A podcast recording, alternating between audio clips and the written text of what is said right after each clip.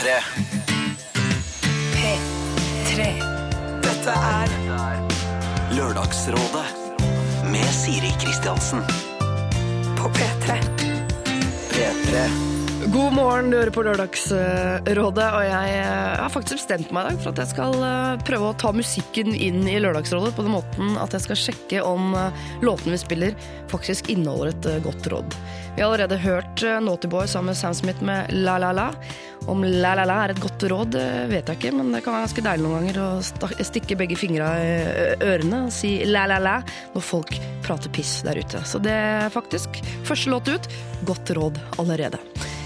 Det er eh, mange valg man skal ta opp gjennom i livet. Man velger jo hele tiden bort noe, eller man velger inn noe, eller i det hele tatt. Og hvis man er eh, singel, da, så er man jo så heldig at alle valg kan tas på egen hånd. Helt uten hensyn til andre mennesker, helt uten diskusjon. Du kan bare ta et valg. Samtidig så er det ofte kanskje akkurat det man savner. Noen å øh, spare med, da, som mange sier. Som jeg syns er et litt kleint uttrykk hentet fra håndball, for helt ærlig. Eh, nei, er det fra håndball? Nei, det er fra boksing. Ja ja. Hei, Cecilie Brekkhus. Sparring, altså fra boksing. Eh, men jeg tenker at eh, når man går sammen da, to og to eh, etter hvert, forhåpentligvis, så skal man egentlig ta alle valg og avgjørelser sammen, for da skal man jo fungere som et team. Man skal snakke og møtes på midten og komme fram til en løsning. Privat, personlig, ikke så god på akkurat det. Jeg prøver å involvere lokføreren i mine valg. Men mange av mine valg i livet går på hvilken lampe jeg skal kjøpe, aktig. hva passer til det nye messingbordet, hvordan parkett skal vi legge i eh, påbygget osv. Og, og de valgene der, det tror jeg er best for oss alle at jeg bare tar, rett og slett. Men jeg har litt å gå på der, altså, og å ta valg sammen med han. Men jeg tenker at noen valg må jo fortsatt bare være mine. Kroppen min, for eksempel, den bestemmer vel bare jeg over. Selv om valgene jeg tar kanskje kan påvirke resten av familien. Og, da tenker jeg ikke på valget om å ta silikonpupper, eksempel, som jeg har valgt bort, eh, for å være helt ærlig. Eh, men la oss si at jeg står overfor valget om sterilisering. Kan jeg bare si ja til det uten å involvere familien? Jeg vet ikke, det er vanskelig tematikk. Vi skal hjelpe en som sliter med noe av dette her. Altså et valg hun egentlig står eh, altså helt fritt til å ta selv, men hun vil ha hjelp av oss til å være med å bestemme om hun skal ta hensyn til sin partner i valget hun skal eh, ta. Eh, Det er først litt eh, seinere. Vi skal eh, en liten tur bakover. Hører på et råd vi har gitt eh, før, rett og slett. Men ikke før vi har hørt eh, Pumped Up Kicks eh, med Foster the People. Lørdagsrådet. På P3. P3. Foster the People, uh, Pumped Up Kicks synger de. Er det et godt råd? Jeg vet ikke. Jeg vet ikke hva Pumped Up Kicks betyr for noe. Tror ikke det er noe kan, Ikke noe bra råd i det. Nei, ikke gjør det, da. Hvis du skjønner hva det betyr. Ikke gjør det. Vi har fått inn en eh, mail, og det er veldig hyggelig. Send gjerne mail inn til oss. Det er jo det vi bruker som verktøy i dette programmet. Lørdagsrådet, som du hører på.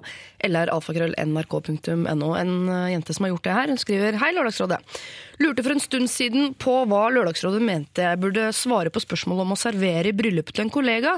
Eh, hvis ektefelle jeg hadde hatt et one night stands med tidligere, men før de ble sammen. Eh, De som fikk dette eh, problemet da, i sin tid, det var eh, Gunnar Greve, Torbjørn Røe Isaksen og Kristin Vinsens. Og de hadde følgende råd å komme med. Jeg tror hun må finne på en god unnskyldning og si at hun uh, booket til noe helt annet den dagen. Ja, det kan bli ubehagelig for uh, han som skal gifte seg og se One Night Stand. Stå der og, og skulle servere han uh, brun saus eller erter eller hva det nå blir. Og så jævlig hyggelig ikke det å servere i et bryllup. Så det, hun klarer jo å avstå fra det, ikke sant? Jeg var egentlig i utgangspunktet sånn uenig. Tenkte sånn, nei, men herlighet, dette, dette sånn skjer. Og man må da bare, kan ikke gå gjennom livet og unngå alle man en eller annen gang har hatt en romantisk affære med. Men det er jo klart det er litt flaut hvis hun skal opp til dem. Og han kommer til å tenke, det hadde ikke jeg tenkt på, at han kommer jo sikkert til å tenke litt på det. Så det er av, av hensyn til han, kanskje. som, Han kommer til eh, å kaldsvette Hele så dagen. Ikke bare at datoen er opptatt, eller book noe annet den dagen og si at den bookingen kom inn først. Så er det en hvit løgn som er. Venninne som har 30-årsdag eller bursdag eller Her må man kunne komme opp med hvit løgn. Dette er Lørdagsrådet. På P3. P3. Det var rådene eh, hun fikk, altså, fra Gunnar Greve, Kristin Vinsens og Torbjørn Røe Isaksen. Eh, Benytter anledningen til å si gratulerer til han, som har gått fra å være kunnskapsrik til å bli kunnskapsminister. Det er eh, gøy. Gleder meg til du skal være rådgiver igjen. Da kan du si ting med eh, mer tyngde og pondus. Si sånn 'jeg vet best, jeg er minister over kunnskap'. Ok, vi har fått da denne mailen fra, fra den jenta da, som var litt i stuss. Hun skriver videre. Eh, Jeg kom vel til samme konklusjon som rådet. Det er ikke verdt å være så på tilbudssida, siden det potensielt kunne føre til en klein følelse hos brudgommen på hans store dag. Jeg fabrikkerte en historie om besøk hjemmefra den helgen, eh, og det var da litt dumt å love seg bort til servering. I slike situasjoner må det være lov med hvite løgner. Det er vel ingen som syns det er bedre å fortelle sannheten, da det ikke vil føre noe godt. Dette er ikke sånn at eh, jeg må lette mitt hjerte eller min samvittighet, siden ligget skjedde før de ble sammen, og det således ikke har skjedd noe galt.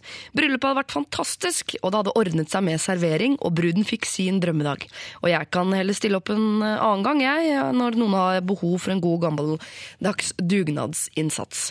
Og som seg hør og bør har bryllupsbildet kommet opp på korktavla på pauserommet, så nå har jeg gleden av å bli minnet på at jeg kan være på tilbudssida også når lørdagskvelden begynner å gå mot slutten, jeg. Hver dag på jobb. Men det er det ingenting galt med, så det kan jeg leve med. Ha en fin helg. Hilsen fortsatt god kollega og løssluppen partyprinsesse. jeg liker det veldig godt. Eh, Du som hører på, eh, send inn problemet ditt, eh, eller hvis du allerede har fått løsningen på problemet ditt, så, send det også inn eh, til oss. En sånn tilbakemelding. Det blir vi veldig veldig glad for å høre. Mailadressen er den samme uansett hva du sender inn. Eh, lralfakrøll.nrk.no.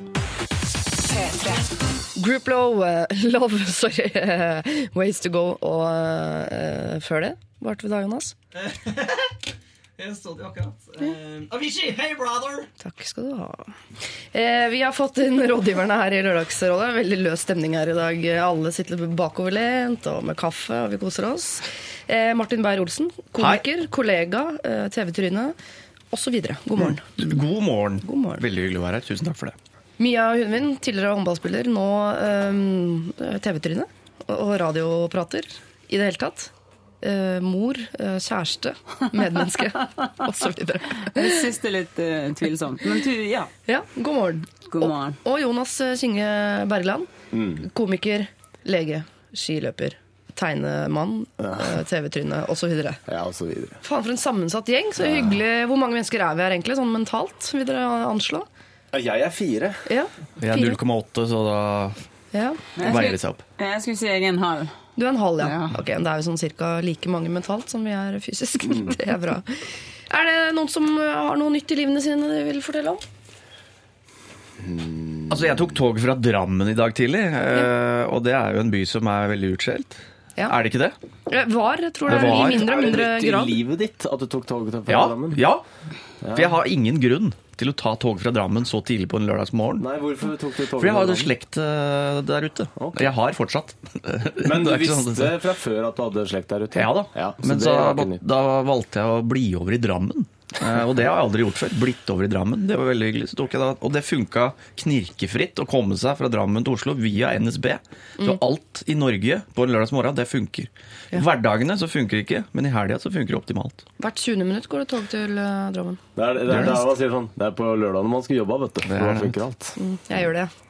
Ja, du, Jeg gjør det, faktisk. Men uh, hvordan sov du i Drammen? På slagbenk eller gjesteseng eller midt mellom eh, onkel og tante? Eller? Du, eh, ikke midt mellom onkel og tante, men jeg hadde en vanlig seng. Ja. Men i taket der så kunne vi skru på et lys, for det var et gammelt barnerom, og da kom det sånn stjernehimmel i taket som blinka litt, og en svak, svak during, så det falt, uh, da falt jeg i søvn veldig, veldig kjapt. Jeg sover altså grådig godt på sånne fremmede rom. Ja. Ja, altså trygge fremmede rom. Gjør du det? Ja. Det er veldig motsatt. Ja, men litt sånne nye ting som man kan se på, ja. Det er veldig motsatt av folk eh, flest. De fleste sover ikke godt eh, hjemmefra. Hvorfor Har du noen teori? Nei. Lege Jonas, har du noen teori? Hvorfor sover Mia så godt eh, i fremmede rom? Spesielt hvis det er tog utenfor også. Da er det Ja, du burde flytte inn hos meg. Du, Mia. er sant. Ja, Vi bygger på huset vi nå, så jeg har et ekstra soverom. Så det går fint. Nei, altså, jeg har, ikke noe, jeg har ikke noe god teori på det. Men jeg, jeg ble interessert i den duringa til Martin. Jeg fikk noen forklaring på hva det var. Jeg tror det er noe feil i det elektriske anlegget. Ja, ikke sant. Og det syns du var rolig. ja, ja, dette går Det fint. begynner sikkert å brenne snart. Jeg sover. Da er det et fremmed rom, men ikke fullt så trygt eh, lenger. Men det kan være lagt inn during òg fordi de har hatt barn med f.eks. kolikk. Og da liker de white noise, som det heter. Er det sant? Da sover man bedre. Ja. Har du hatt uh, kolikk på de ungene dine? Nei. Nei. Jeg har hatt kolikk. jeg hadde sjøl. Jeg har hatt kolikk. Ja. På ungen dine eller på Nei, deg? på meg. Ja. Skreik i ni måneder. De satt støvsuger ved siden av meg. Da hadde ikke de vift. De var ganske Fattig med mor di. Men eh, de gjorde sånne triks, ja. Tenk deg før han ikke har støvsuger, måtte stå og feie som faen. Nei, nei, det er bare sånne lorder og grever som har vifte. Hva heter det? Sånn eh, M-hette heter det på dansk, faktisk. Eh, Der som du steiker. Er du egentlig dansk? M-hette. Jeg syns dette startet utrolig bra. Eh, Ingen, nå sitter det tre spørsmålstegn i i rommet her som lurer på hva en M-hette er. Ja, og hva er, er du dansk? Har du tinnitus etter all det støvsuging ja, rett ved øret? nei, vi har fått et dårlig stemmebånd. Ett dårlig stemmebånd, eller begge stemmebåndene dårlige? Ett dårlig. Men har du fortsatt kolikk? Eller er det gått over? Hun skriker jo ikke lenger. Det Det er gikk over. Ok, Vi tar en eh, runde som vi alltid gjør her i Lørdagsrådet, sånn innledningsvis på sivil status. Hva vet jeg? Ting kan ha forandret seg, og da er jeg selvfølgelig mest spent på deg, Jonas, og sparer deg til slutt.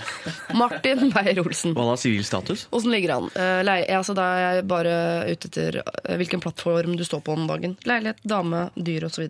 Jeg har eh, leilighet, jeg har dame, jeg har ikke noe dyr. Ønsker meg dyr. Mm, Hvilket? Eller eh, nå snakker jeg på vegne av dama. Hun ønsker seg dyr. Jeg kan- Pinnedyr, eller? Nei, katt. Katt, ja. To. For de må være sammen på dagtid. Ja, sånn, ja. Eh, og det er det. Det er det. Men bor dere sammen nå? Bor sammen. Ja.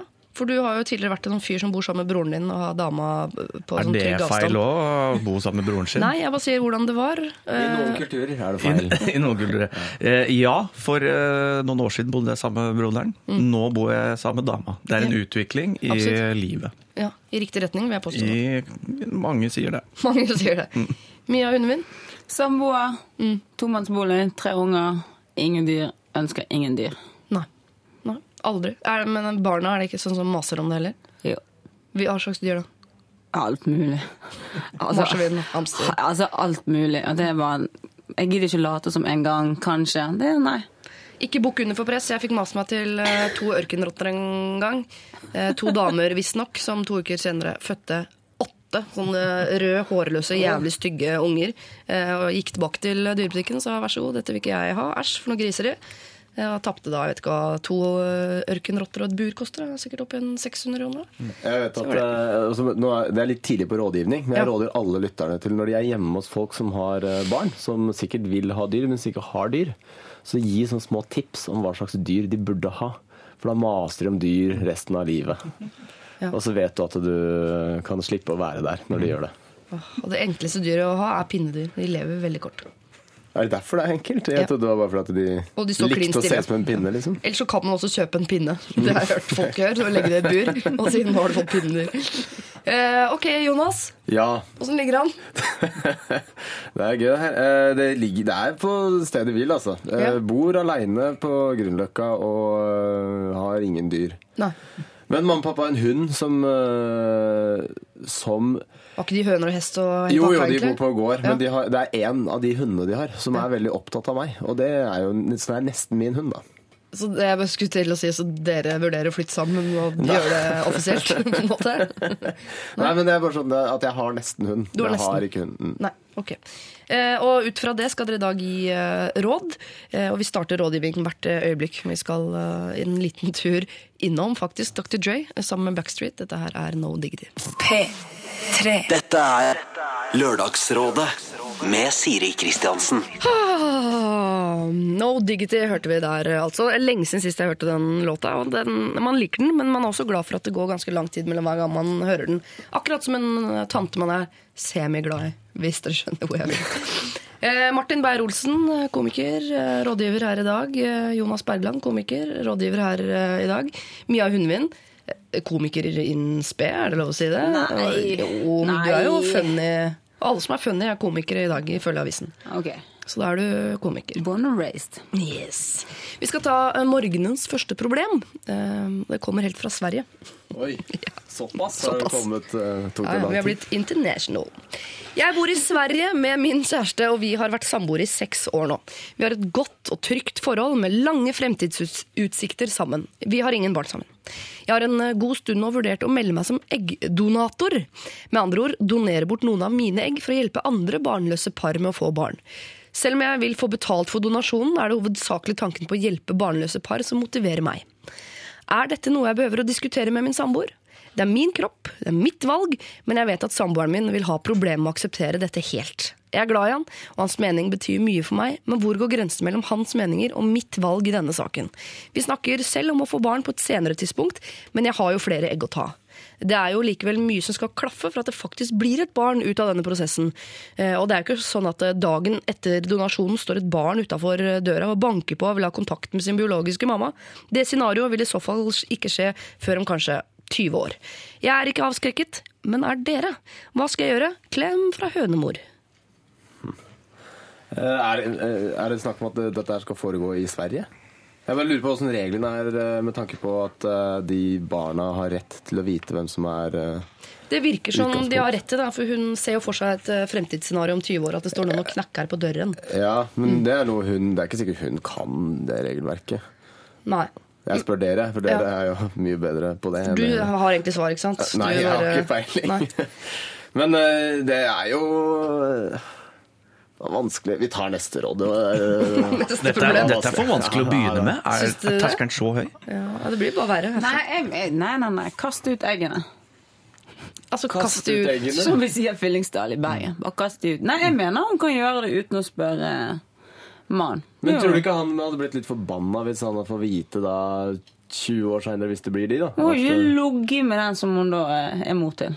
Eller ikke med den. Nei, det håper jeg ikke. Altså, I dag er det tidlig. Oh, det var veldig tidlig, da. Men hun kan jo finne på å gjøre det på et eller annet tidspunkt uten å være klar over det.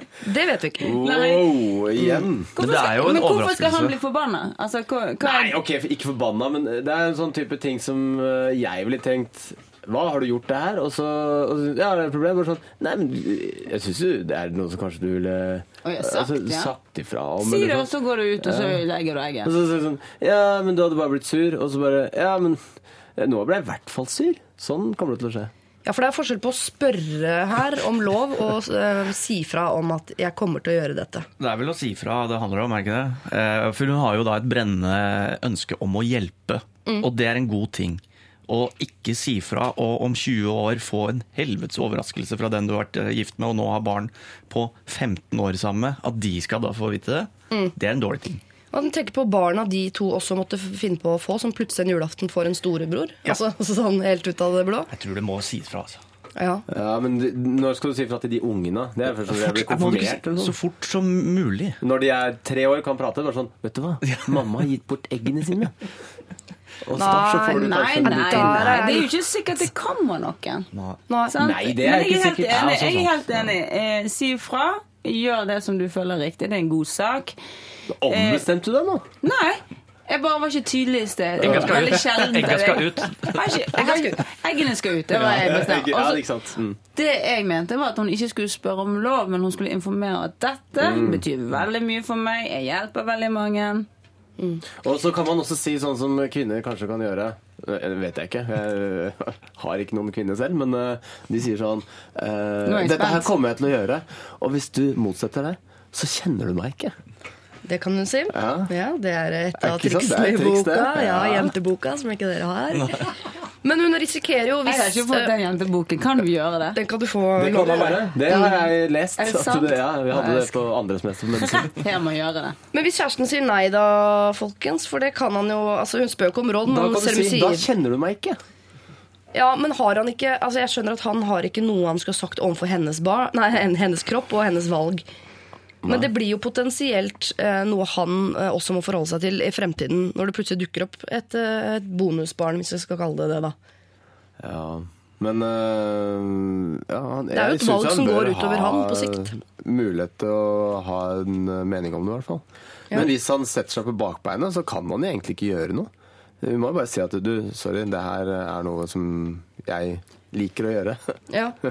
Og så kan det bare være sur stemning mellom oss resten av livet. Men tenk på, altså, hvis, du, hvis du gambler da, og om 20 år, hvis du ikke sier noe, Mm. om 20 år på den julaften hvor det da dukker opp en 15-åring, og er surprise Kommer det alltid på julaften? ja, Ble det ikke det nevnt i stad? At det knakka på døren på julaften? Hvis det kommer en 15-åring om 20 år, da er det noe som har gått gærent et sted. Surprise! Dobbel surprise! Teknologien er kommet langt. Men, men det kan det hende at det blir en positiv overraskelse også, om 20 år, hvis man ikke sier det. Nei, men de eggene kan lagres i fem år, de, og så kan det Ikke sant? Det var det jeg tenkte. Der kommer Det var det jeg tenkte. mattelogikken inn. Ja, men hør her, De kan jo også være som hun sier, de har det kjempebra. De har lang, eller en god framtid foran seg. Man vet jo aldri. De kan få barn, de kan bli skilt. Han kan få barn igjen på nytt. Det kan komme mange barn inn her utenom det egget hun eh, ga ut. For alt hun vet, så har han barn. Nemlig. Ja. For alt han vet også, for, for den sakens skyld. Men Så det, er det mest på, et argument mot papirarbeidet. Ja. Ja. men det jeg også tenker på her, er eh, Hun har et eh, brennende ønske om å hjelpe barne, barnløse par, og det er fint. Eh, men så må hun sette det opp mot hvis hun har en mann som er såpass imot dette her at det går utover forholdet. Så må hun tenke hva er viktigst? At noen jeg ikke kjenner, får barn? Eh, eller at jeg eh, fortsatt har en framtid sammen med min mann? For jeg mener Fint at du er engasjert og vil hjelpe folk rundt deg, men du kan jo f.eks. hjelpe noen av de barna som allerede eksisterer i verden, og som har det vondt, framfor å, å hjelpe på en måte som mannen din er imot. da. Skjønner dere hvor Ja. jeg vil? Eh, eh, nå, eh, med fare for å tråkke i salaten her, så uh, vet jeg ikke hvor stort problem det er at det er for få egg på de der uh, donasjonsstedene. Nei, det vet ikke jeg heller. Så eh, jeg vet ikke, er- det manko Jeg vet at det er manko på blod i blodbanken. Mm. Men om det er veldig At de går veldig hardt ut på sånn, nå må folk begynne å donere egg her, ellers så får vi ikke produsert noe sånt. Ellers så blir det ikke nok barn i verden. Nei. for nå begynner det å, nå Nå begynner nå å bli begynner det å gå nedover smått. på lista her. Ja. Mm. Ja, jeg også tenker det da, at det er mange steder hvor man kan eh, bruke sitt engasjement, og ikke nødvendigvis må bruke det der hvor det eh, kanskje gjør at eh, du og kjæresten din må gå fra hverandre. Hvis du skjønner? Mm, mm. Det stille. Ja, Dette hadde ikke dere tenkt er på. jeg eh, lener meg på dine ord. jeg. Jeg syns Ja. det høres ganske fornuftig ut. det som Ja, altså, ut hun jobber jo med det her, så hun kan jo de rådgivningsgreiene. mm. Veldig bra. Det kan være for eh, Ja, kanskje det er en eh, løsning. Altså sånn Kanskje du skal gi det litt tid, da. To år. Mhm. Jeg bare slenger ut et tall. Ja, du har en tendens til å gjøre det. Da er den ungen 17 da, når det Det er ikke første tall du slenger ut i dag. Nei. Og så hvis det brennende engasjementet fortsatt står der, eh, og hun har si, hjulpet tre andre instanser, f.eks. gitt blod, eh, adoptert en annen unge og, Mm. og gitt bort alle eiendelene sine til noen fattige, Ja. og fortsatt da vil gi bort egg, Mm. kjør på. Det er litt som å ta en tatovering. Man, eh, man liksom venter litt og ser om man syns det fortsatt er en god idé. Etter altså, litt gjør tid. det på fylla i Syden. Ja, ikke sant? Og så dukker det opp om 20 år. ja, Så bare Men her. hva er det her jeg har? Nei, men, Ikke doner egg i fylla i Syden. Det er også i hvert fall et godt råd underveis her, da. Men i motsetning til alle vi som har valgt å få barn, så er jo det en utrolig egoistisk handling. Det gjør jo ikke hun her, og det syns jeg er grådig greit. Men eh, jeg skjønner ikke hvorfor Hun snakker med han også hvis det Du får ikke lov. Hvis kjæresten min sier til meg vet du hva, enten er det meg, men da kan ikke du betale én krone til veldedighet resten av livet.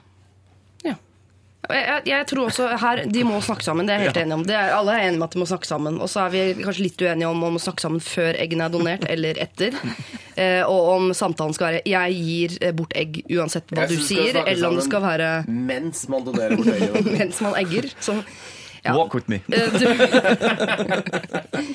Hønemor, du må snakke med kjæresten din, og før du tar den praten, så må du ta en vurdering på hva som er viktigst. Akkurat det engasjementet der ved å gi bort egg, eller det å bare engasjere seg i noe. Eller å være helt sikker på at du kan være sammen med kjæresten din resten av livet. Og så må du veie opp mot hverandre hva du setter på spill. Men vi syns det er veldig fint at du tenker at du vil hjelpe. Eh, Det er mange måter å hjelpe på, så gjør det på en måte som ikke ødelegger det du allerede har, da, vil jeg si. Tok seg opp på slutten der, altså litt sånn mye gitarspill, syns jeg, til å være et band som kaller seg Kvelertak. Eh, Evig vandrer var det vi hørte, altså. Vi, skal, vi har allerede i Lørdagsrevyen i dag tatt eh, for oss ganske sånn tung problematikk. Jeg tror både Martin og Jonas og Mia ble litt satt ut, begge to nå, eh, eller begge to, som det heter. Alle tre eh, ja, litt dårlig metall. Ligger i en slags metallbro og prøver å hente seg inn igjen. Mye litt sånn andpusten stemning. Og de skal få muligheten til å hente seg inn igjen, for vi skal inn i en litt mer kjent problematikk hvert eh, øyeblikk. Jeg er helt sikker på at eh, nesten Alle har dette problemet. Du har dette problemet. En eller annen på jobben din, eller en eller annen i klassen din, en i familien, eller kanskje du selv, er jeg helt sikker på at har jævlig dårlig ånde. Gå og pust tennene dine. Eh, Vi skal hjelpe en som har en kollega med dårlig ånde hvert eh, øyeblikk, vi også, men eh, først skal vi høre blant annet Lord. Dette her er eh, Royals. You Know My Name skriker han, Chris Cornell, og før det Lorde med eh, Royals, som var en favorittlåt av deg, Jonas eh, Kjenge Bergland. Ja. Du likte også musikkvideoen, sa du? Til den, ja, den er veldig kul. Veldig Kan- rar. Kan du beskrive den? Det er uh, Ikke hele. Nei, men uh, det er uh, sånne her australske tenåringer som gjør egentlig ganske sånn kjedelige ting i sakte film. Oh, ja. Bokser og litt sånn rare ting. Den må jeg se. Ja, men jeg sier ikke at den er veldig kul, den er bare veldig spesiell. Da. Ja, ja, men det er fint. Da. Jeg er veldig fascinert av musikkvideoer, faktisk. Spiller blant annet ikke på sex, som er ganske Wow. uvant i vår tid med musikkvideoer og sånn. De gjør kjedelige ting i slow-mo, var det du sa? Og så ser du boksing. Ja, men ser- jeg kan- 14-åringer som bokser er ja, Ok, det er kanskje ikke så kjedelig, men de boks, du ser liksom ikke at de slår hverandre. De bare går rundt med boksehansker. Det var mye gøyere hvis de hadde spydd i slow motion. Ja, ja. Men det Hvorfor gjør du ikke det? for- Hvor, jeg, skal sjekke det. Spør, Lorde. Lorde. Spør Lorde om det. Mm. Eh, Du er rådgiver i dag, eh, Jonas. Selvfølgelig Du er ikke jeg er for å kommentere musikken, først og fremst. Eh, Martin Beyer-Olsen, også rådgiver. Og Mia Hundvin. Og vi skal jo inn i Ikke jeg rådgiver? Å ja, du glemte å si det. Hun sa det. Jeg har ikke, fun oh, ja, jeg har ikke funket. Jeg funker ikke i dag. Nei, nei. Jo, Okay. det gjør du. Akkurat sånn som jeg pleier. Nå skal vi inn i uh, dårlig åndeproblematikk. Der vet jeg at du har masse å komme med. Du jobber jo i NRK, skal vite. Jeg har en kollega med en ånde som en død bøffel. Selv på to meters avstand blir jeg tørr på tennene, noe som selvfølgelig er veldig ubehagelig for meg og mine kolleger. Vi hører til eh, å samarbeide tett, men i møter setter jeg meg bevisst på andre siden av langbordet og gjør alt for ikke gå inn på kontoret hennes. Det er altså en kvinne. Vi jobber tett med kunder og kan med grøss og gru bare tenke på hva de tenker. Hvordan kan jeg få sagt ifra til min kollega på en fin måte? Ha en fortsatt fin lørdag, Karoline. Altså, Vi skal ikke bli enige om her om hun skal si fra eller ikke. Hun skal si fra, sier hun selv. Hvordan gjøre det på en fin måte? Ja, det er vanskelig. Jeg, som jeg sa til dere i stad, jeg har vært oppe i en jobbsituasjon hvor jeg hadde en kollega som eh, Altså da jobba jeg som sommerhjelp i Parkvesenet. Og hadde en kollega Mm. Ikke fjor, der som Nei. Eh, og han stinka svette. Eh, Tørr bøffel? Ekstremt uh, tørr bøffel. Ikke, det var død bøffel, var det ikke snakk om? Mm. Dette var død, ja, men her er det snakk om dårlig ånde. og Dette er svette, så det blir noe annet. Ja. Um, I hvert fall så tenkte jeg at uh, jeg bør jo si fra. Det er jo greit å si fra. Og jeg er ikke en kompis hans, så jeg kan jo, jeg kan jo si fra. Og så kan jeg være upopulær. Det tar jeg lett på meg. Og så sto vi og ordna med en, um, en søppelbøtte, for man tømmer søppel og sånne ting da, på, i parker og sånn. Og så sa jeg du, det lukter litt eh, Jeg vet ikke, jeg skulle si fra det lukter litt svette av deg. Og så sa han hva er det du mener for noe? Og så skjønte jeg at dette gikk ikke så greit som jeg hadde trodd. Og så sa jeg, at eh, det lukter litt svette av den eh, jakka di. Ja. tenkte jeg, jakka er greit. Det er jo ikke han, liksom. Og så sa han eh, nei, den er rein. Og så sa jeg ok. Um, Så da må jeg bare gå innover da, mot kroppen. Så jeg, det, det, det lukter litt svette av skjorta di, eh, tror jeg. Det er et eller annet som lukter svette. Kanskje det er skjorta di. Nei, den er rein, den òg. Ja vel. Da Det er noe som eh, Det lukter svette. Og da jeg, hadde jeg bare han igjen. Sånn Det er deg. Og så, nei, jeg dusjer meg hver dag, så det er ikke riktig. Så det er her gikk jo veldig Ja, det her er meg, da. Det burde jo egentlig sagt det. og det gikk jo skikkelig dass, da. Og så skjønte jeg for det ble ordentlig muggen stemning resten av dagen, så jeg tenkte til lunsj så må jeg bare si at eh, dette er eh, Beklager. Så jeg sa Du, det, sorry, det greiene i stad, men det var dumt av meg. Det var, det var ikke noe lurt sagt. Jeg skjønte han, han hadde ikke peiling på å liksom, ta inn over seg de greiene der, da. Nei, nei. Han var, var ikke helt på nett. Um, og så sa han ja, ber om omfladels. Og når du bruker omfladels som eh, dagligtale, så, så sa jeg ja, jeg ber om omfladels. Og så sa jeg ja, det var veldig dumt av meg. Og så sa han ja, det var fryktelig dumt av deg! Og så pekte han på meg med en sånn møkkete liten finger. Og så tenkte jeg ok, det her går jo til helvete. Så løsninga på problemet ble jo at eh, for at vi drev og vaska de der dassene, de offentlige dassene som er nede på Hukodden der. Ute på den offentlige badestranda. Ja. Ja. Og der, eh, da tok vi bare spyle av dassene, og så svabrer vi ut vannet. Og så, og så går vi etter med noe som heter Biofresh, en sånn spray som har sånn intens blomsterenglukt. Ja. Og bare sprayer inn, og så lukter det gullende reint der inne. Og Hver gang han snudde ryggen til, så spraya jeg hele ryggen hans med Biofresh. Så han lukta jo vidunderlig når han satte seg inn i bilen. Problemet eh, i forhold til parallellen her til det problemet vi har her, er at hun kan ikke bare gå inn og pusse tenna til hun dama. Hun kan ikke spraye, Karoline kan ikke spraye kollegaen sin med Biofresh inn i munnen. Nei, for det kommer hun til å merke. For hun kan si at genseren din lukter dårlig ånde. Ja, genseren din har dårlig ånde. det Det kan man si. Ja, det går an. Du, jeg tror buksa di har dårlig Ja, det hørtes veldig ekkelt ut. Men hun ber jo om å gjøre dette på en fin måte, men er det en fin måte å gjøre det på? Eller må man rett og slett stå i det i de minuttene det tar? Du, jeg tror at man må si sånn uh, Du, jeg må si deg en ting. Uh, du har dårlig ånde. Ja. Så direkte må det gjøres for at man skal liksom ta det innover seg og ta det alvorlig. Kan ikke si sånn Du har kanskje dårlig ånde. Du må si det rett ut. Og så må du være innforstått med at øh, fra nå av er deres forhold endret. Er dere enige, Martin? Ja, det, det høres ut som den, eh, egentlig den eneste utveien. Men kanskje også legge til kriteriet at vær alene, ikke si det på et kundemøte. Som Kundemøte egentlig- ville jeg foretrukket, for da kan du trekke deg og snakke med andre etterpå. Eventuelt leie inn First House øh, til å fortelle det for deg. Eller få en kunde til å fortelle Det går an å få andre til å fortelle. Er ikke dette sånn som sjefen skal ta tak i?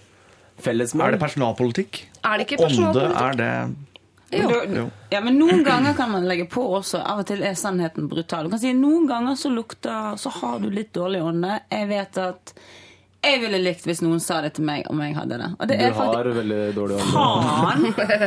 Hvem er du? Det er genseren min.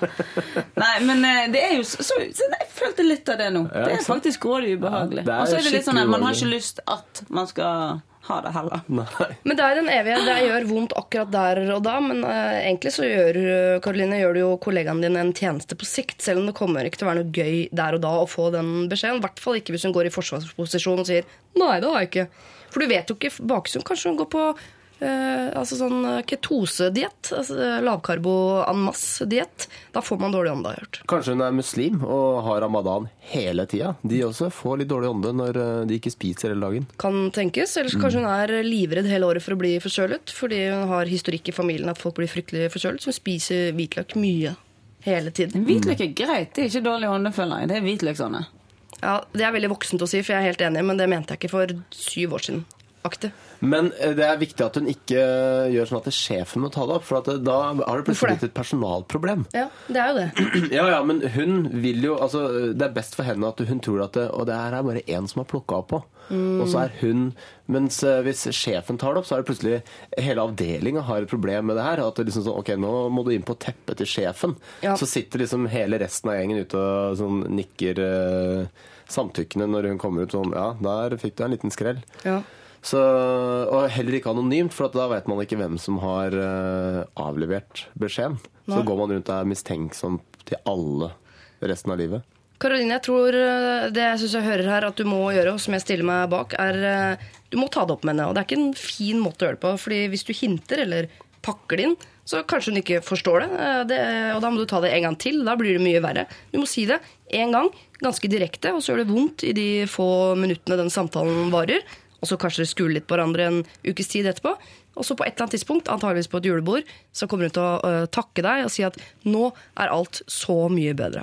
Hvis uh, du har øh, et problem du vil sende inn til oss i, i samme kategori eller noe helt annet, så gjør du det. Da er det lralfakrøll.nrk.no. Lørdagsrådet med Siri Kristiansen. På P3. P3. Miley Cyrus der og Wrecking Ball. Og jeg sa jo innledningsvis i Lørdagsrådet i dag at jeg skulle se om det var noen gode råd i låtene vi spiller. Eh, Miley Cyrus sitt, uh, sin låt av Wrecking Ball, er det et eh, godt råd? Hva syns du, Martin? Eh, altså, jeg lurer jo bare på har du fått inn rådet. Altså, jeg kom inn som en knusekule, Mm. eh, men jeg ble, endte opp med å bli knust selv. Hva burde jeg ha gjort annerledes? Burde jeg ikke vært så pågående? Hva betyr det å komme inn som en knusekule? Hun, kom, hun var veldig mye, kom inn i et forhold og var veldig Ja. veldig mye. Du Var krevende inn- og i det hele tatt. Til slutt orka han ikke mer. Dumpet henne. Nå står hun alene. En wrecking ball Vet, vet alle hva en wrecking ball er? Ja, ja. har sånn byggteknisk vet jeg hva det er. Donald har alltid wrecking balls. Og hvor Har de alltid wrecking balls? Ja, når de skal inn i bingetonke skrue. Ja. Det, Det er B-gjengen som har det. Donald sjøl har vel ikke Donald, det heter Donald Duck og co. Okay. Men jeg lurer på det, det er eh, knusekulebransjen borte? Jeg har går det an å sett en knusekule i real life. Andre, altså, jeg har bare sett For nå sprenger det vel bare bygg veldig med presisjon. Men heter det knusekule? Det heter eh, wrecking ball. Det heter wrecking ball. Har de knusekuler i knusekuler? I Norge? Jeg tror På det. På Duoshop har de masse knusekuler. Det er det. Og på nett. Eh, nei, ikke et godt råd å gå inn i et forhold som en eh, wrecking ball, antageligvis. Eh, så Ikke ikke gjør det. Miley Cyrus har prøvd. Funka ikke. Vi skal over i forloverproblematikk. Jeg vet at den eneste som her som har vært forlover, er deg, Martin. Så hør Mm, jeg ekstra godt. Har du vært forlover? Ja, ja. Sorry at jeg bare tok det for gitt at ikke Tror du du har ikke jeg det. har gode nok venner til at jeg kan være forlover? Nei. Nei, ikke sant. Jo da. Eh, Og Mia, du har fått slippe. Ikke sant? Ja, og det har vært av kjærlighet. Men jeg er fadder. Jeg mener det er litt større ære. Ja, det hadde jeg aldri turt. Takk for meg. Nei, Å ta ansvar for barn. Det ja. Har du sagt nei takk? Nei takk. Jeg har ikke fått Har du, spørsmålet. Martin har lyst til å bli fadder? Nei takk. Nei takk. Ok. Det vil du ikke. Vi er to venninner som skal være forlovere for en tredje barndomsvenninne. Vi har ikke hatt så mye kontakt med den kommende bruden de siste årene, da hun bor på andre siden av landet. Men når vi ses, er alt som i gamle dager typisk bestevenninner. Vi er superhappy for å ha blitt valgt som forlover og gleder oss masse. Det har imidlertid dukket opp et issue som vi syns er litt kleint. Bruden vurderer å ikke invitere våre partnere. Vi er begge gift og har barn og på alle måter veldig etablerte. Bruden har ikke noe personlig forhold til våre menn, ettersom vi som sagt ikke har sett hverandre så mye de siste årene, hvor vi har stiftet denne familien osv. Brudens innspill kom veldig overraskende, og vi skjønte ikke helt hvordan hun hadde kommet fram til det. Ble litt satt ut og fikk ikke diskutert det ferdig med henne. Vi, satt, uh, vi sa umiddelbart at vi syntes det var naturlig for oss om mennene våre ble invitert, men at hun selvfølgelig bestemte hvem hun skulle invitere i sitt eget bryllup. Nå, litt i ettertid, har vi snakket sammen om det og er enige om at vi syns det eh, vil være skikkelig kjipt å ikke kunne dele en så fin fest og romantisk happening som et bryllup er, med våre kjære. Vi har snakket fram og tilbake om mulige årsaker til hvorfor de ikke skulle bli invitert. Vi har utelukket at det er noe personlig, og tenker at det heller ikke bør ha med økonomi å gjøre. Hun ønsker nok at dette skal være nært, og at vi skal gjøre vår greie. Nå er vi bare usikre på hvordan vi skal gripe det an. Skal vi si fra at vi vil ha med mennene våre og trumfe det gjennom? I verste fall risikerer vi klein stemning og to karer som ikke føler seg velkommen på fest. Vi vil gå gjennom ild og vann for bruden vår, men syns jo det vil være litt stusslig å måtte danse brudevals med, våres, eh, med hverandre, for å si det sånn. Hva skal vi gjøre? Klems fra brudepikene. Er det ikke bare å spørre hvorfor vil du ikke ha med mennene våre? Jo, men da kan du si fordi. Fordi, ja, men Det er ikke godt nok svar hvis man er så gode venninner at eh, man er forlovere til hverandre. og sånn. Så må man si sånn, du må nesten utdype mer enn det, for vi syns det her er et problem. Ja. Så vi må jo prate med henne. Kan ikke bare eh, møtes de to og så komme med sånne der, eh, krav. Nei, men hva tenker vi er eh, Hva kan grunnen være til at mennene ikke er eh, invitert? Dere har sikkert vært i mange Hvorfor Dårlig er ånde, ikke tipper jeg. Dårlig ånde, ja. Ja, det kan jo hende så, så man skriver at det er nært. da. Og vil Ja. ha det nært. Like the olden days. Altså nært som vi vil ha et lite bryllup? Nei, som i disse var Dette, dette er liv, min historikk i livet så langt. Ja. Det Det, det, altså, ja, men det er jo. Altså, jeg sier ikke at det er riktig. Kan bare si, Hvis ikke vi får våre med, så får ikke du ha din med. Ja, er men er de, i posisjon, er de i posisjon til å sette noe uh, hardt mot hardt her? Det eneste de kan true med, er, er, er det bare forloverne som ikke skal ha med seg uh, mennene? ja, Jeg tipper i hvert fall at det kommer noen menn, men da er det menn hun har møtt. Og jeg kan jo skjønne jeg skal gifte meg, og skal komme masse folk jeg aldri har møtt. Tror ikke det. det. Tanken kan jeg skjønne. Men det er mannen til forloveren din. Det er giftet seg, det er barn sammen. Du må jo ta det som et eh, eh, godt nok liksom, alibi for at det her antageligvis er en fin fyr. Ja, så er det jo et veldig bra utgangspunkt for å bli kjent med dem. Altså, Hvis hun ikke har hatt noe forhold til dem før, og dette her er de beste venninnene sine, så Ja. må det jo være interessant å ta del i den delen av livet deres. da. Kanskje det nettopp er grunnen til at hun ikke er invitert. Hun har ikke lyst til å bruke bryllupet sitt på å bli kjent med folk. Hun har lyst til å snakke med de hun allerede kjenner. Akkurat, ja. Men kanskje man gjør det selv om Jeg skjønner ingenting. I dag skjønner jeg ingenting. Nei, det er, veldig, det er jo en sær greie. Det må vi bare få etablert. Ja, De, de kunne jo hatt med mennene til forloverne. Så kunne du begynt å sile ut. ja. Det er en sær greie. Kanskje hun er en sær jente, skal hun ikke få lov til å være det i Jo, sitt sære Og noen, det er jo harde valg å ta, for jeg kjenner jo også folk som er beinharde på fra søskenbarn og ut, så så er de ikke invitert. Ingen onkler, ingen tanter, sånne ting. Eller søskenbarn. Det er jo ganske hardt det å kan være. Ja. Eh, Men dette skal være min dag, dette er for venner, dette er fest. Mhm. Eh, Det er jo den ene gangen resten av livet, forhåpentligvis, hvor man kan være åtte år og si 'jeg har bestemmelsesdag'. Ja. Har du hatt bestemmelsesdag? Nei, vi hadde noen venninner som hadde bestemmelsesdag. Så de bare kunne bestemme alt mulig? Ja. Jøss. Jo, men er det Jeg tipper det Mia hadde det også som ung. Uten at det Hver dag. Ja. Men de har kommet fram til seg mellom disse to forloverne at det ikke er noe økonomisk. Eh, Men det kan det jo fort vekk være. Det er, la oss si Ja, det er ja, en det- 500-700 kroner per hode. Da. Så tenker sånn, Skal jeg bruke 700 kroner på Per og Pål, som jeg aldri har møtt? Men da tenker jeg at hun som skal gifte seg, sier vet du hva, økonomien er stram. Jeg Ja. må nødt til å skjære ned. Eh, dere kan ikke ha med kjæreste. Men hvis de sier sånn OK, eh, og er litt fortrolig med den, da. så Sånn, hvorfor? Og så kommer det fram, og så sier sånn OK, men da kan vi være med og spleise på det. Hvis vi må reise langt og det er fly og bla, bla, bla, så kjøper vi selvfølgelig det. Og så kan vi For det er såpass viktig for oss. Så hvis ikke det perso... Altså sånn Uh, rent uh, intim eller personlig er et ankepunkt, så, og det er bare økonomi, så er det jo, det er jo helt greit, da. Ikke Men ser dere for dere det de skisserer uh, også? At det, det kan jo anta... Jeg tipper de har diskutert det med mennene sine. Det er egentlig kleint at ikke dere er invitert, osv. Så, videre. så de mennene vet jo allerede at de i utgangspunktet ikke er ønsket. Og så blir de plutselig invitert fordi at uh, kona mi har stått på barrikaden her og fått trumfa gjennom at jeg skal inviteres til det bryllupet. Blir det en hyggelig fest? Eller? Jeg tror min, Hvis jeg skal sammenligne med han jeg bor med Han har sagt vet du hva, det er helt greit. Det gjør ingenting. Å gå i bryllup til noen som ikke du kjenner så godt, høre på taler til en du ikke kjenner så godt, og taler generelt er ikke så godt.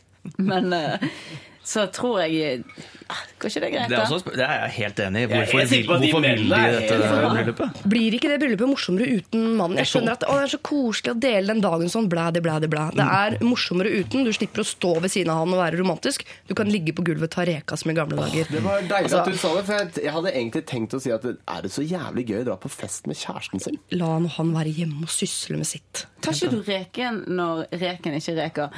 Når kjæresten din er med? Jeg gjør det, men jeg er sammen med lokføreren. Det er det jo ingen andre som er.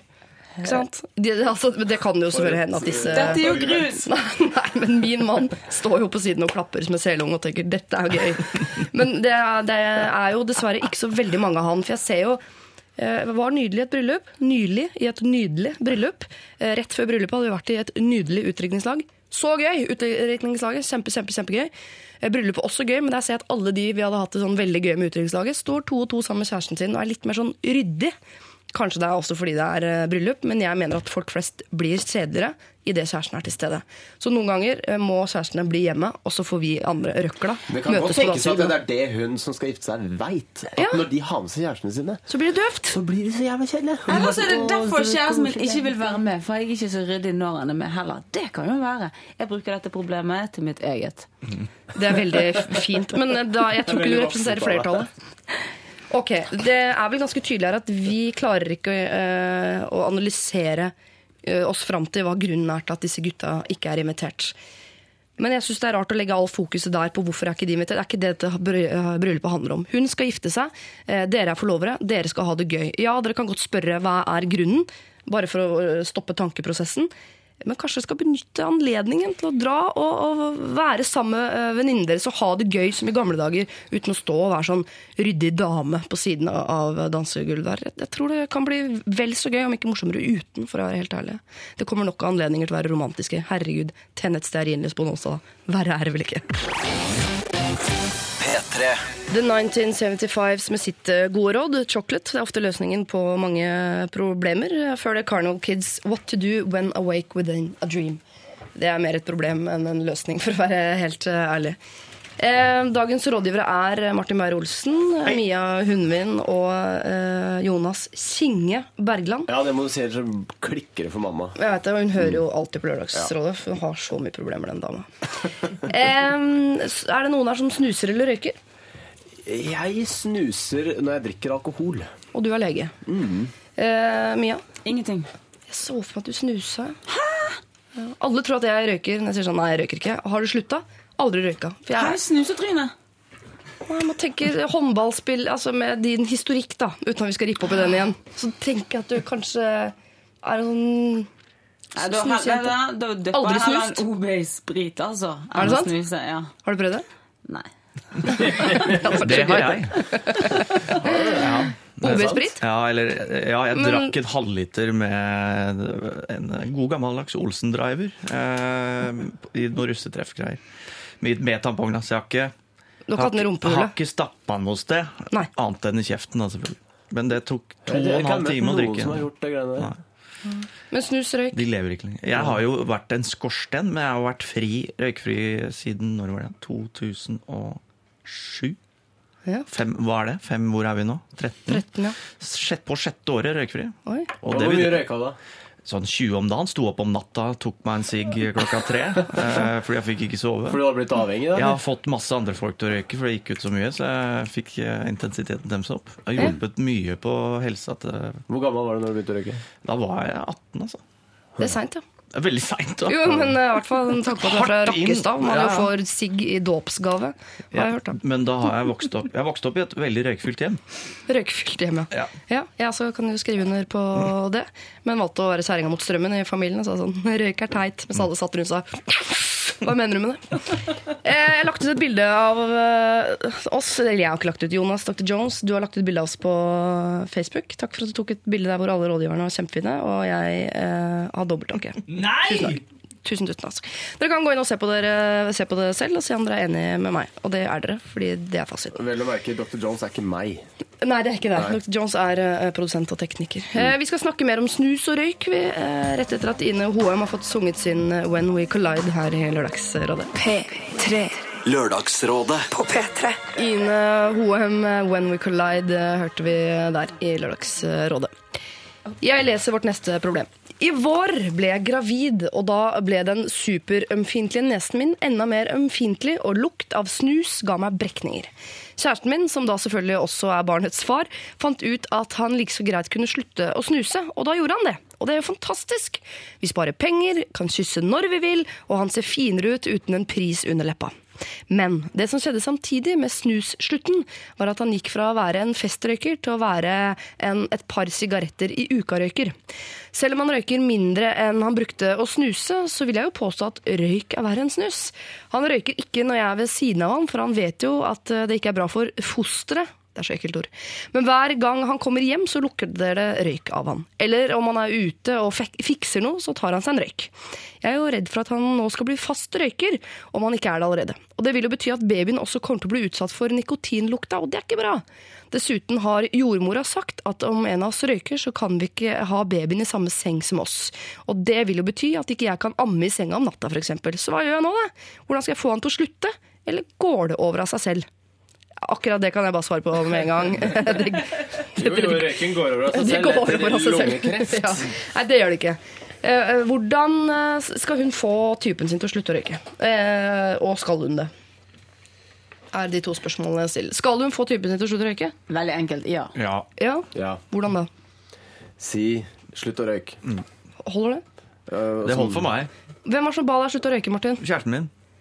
Og sa du sånn? Slutt å røyke. Eh, Nei, men altså sånn det, det hadde vært eh, fint. Og jeg vet jo at det er mye helsegevinster ved det. Så ja, jeg tok det rådet.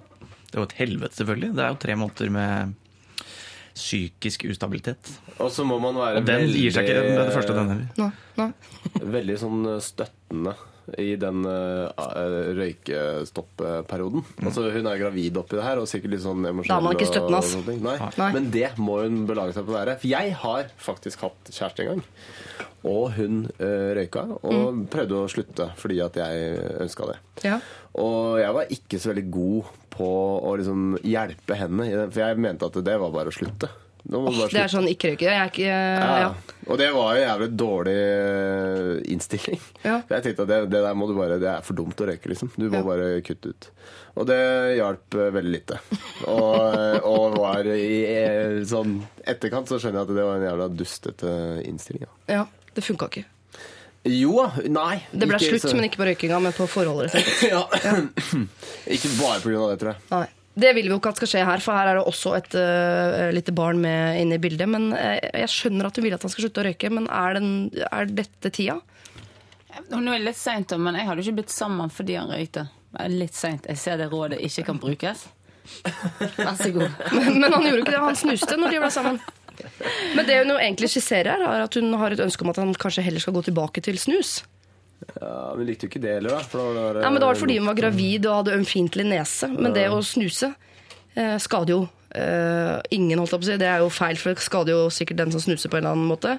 Men sånn fosteret og kona og så videre. Passiv snuser. Passiv snuser. snuser. Det er kjipt å være. Er det det? Da kliner du mye Nei, hvis du er passiv snuser. passiv snuser blir dødsstresset. Lukter av klærne. Litt sånn juice i munnviken. Snusjuice. Å, fy faen. Det er, det er noe av det ekleste jeg har hørt. Men heller snus enn røyk, ja. Selv om jeg ikke jeg får noen av de. Men kanskje du skal foreslå det, for jeg tenker sånn, De går inn i en periode i livet sitt nå som antakeligvis er eh, full av stress og vanskelige ting. Og da i tillegg skal liksom gi opp den ene tingen som Jeg ser jo, jeg har observert røykere som kan være stressa, går ut, tar seg et drag, så er det sånn Og den der, den tror jeg man kanskje kan trenge i den derre Ungen skriker, eh, det ligger brystmelk utover badegulvet, og alt står på hodet, og det er «Ah, kaos, løper ut verandaen. Den skjønner jeg at man kan trenge. Ja, men De kan kjøpe sånn e-sigarett. Har du sett den? Nei. Sånn der elektrisk eh, liten robot som de eh, driver og røyker på. Kommer litt røyk ut. Ser ekstremt futuristisk ut. Du har sett det? Ja, jeg har sett det. Ja. Og, Og smaker eple eller Ja, du kan røyk. velge forskjellige smaker, tror jeg. Og så er det noe nikotin inni det og greier. Så det er en sånn slags form for å røykeavvenne seg og sånn. Det koster vel en 1500 kroner for en én sånn. Og så kan du lade den opp. Det Nei, du kan lade den opp, da. Det er jo okay. dritmange. Den varer jo i årevis. Det er som astmaspray, bare motsatt. Skjønner. Ja, kanskje, det kan, kanskje du kan kjøpe det til ham, for dere skal jo kjøpe helt vilt mye ubrukelig utstyr framover nå uansett. Så hvorfor ikke slenge en sånn uh... Man kan ikke sette en dato, er det et feil råd å gi? Altså sånn siste trimester, da skal det være stopp. Eh, for da kan man ikke fly, da skal du ikke heller røyke. Nei vel? Og så kan du gå tilbake til snusen.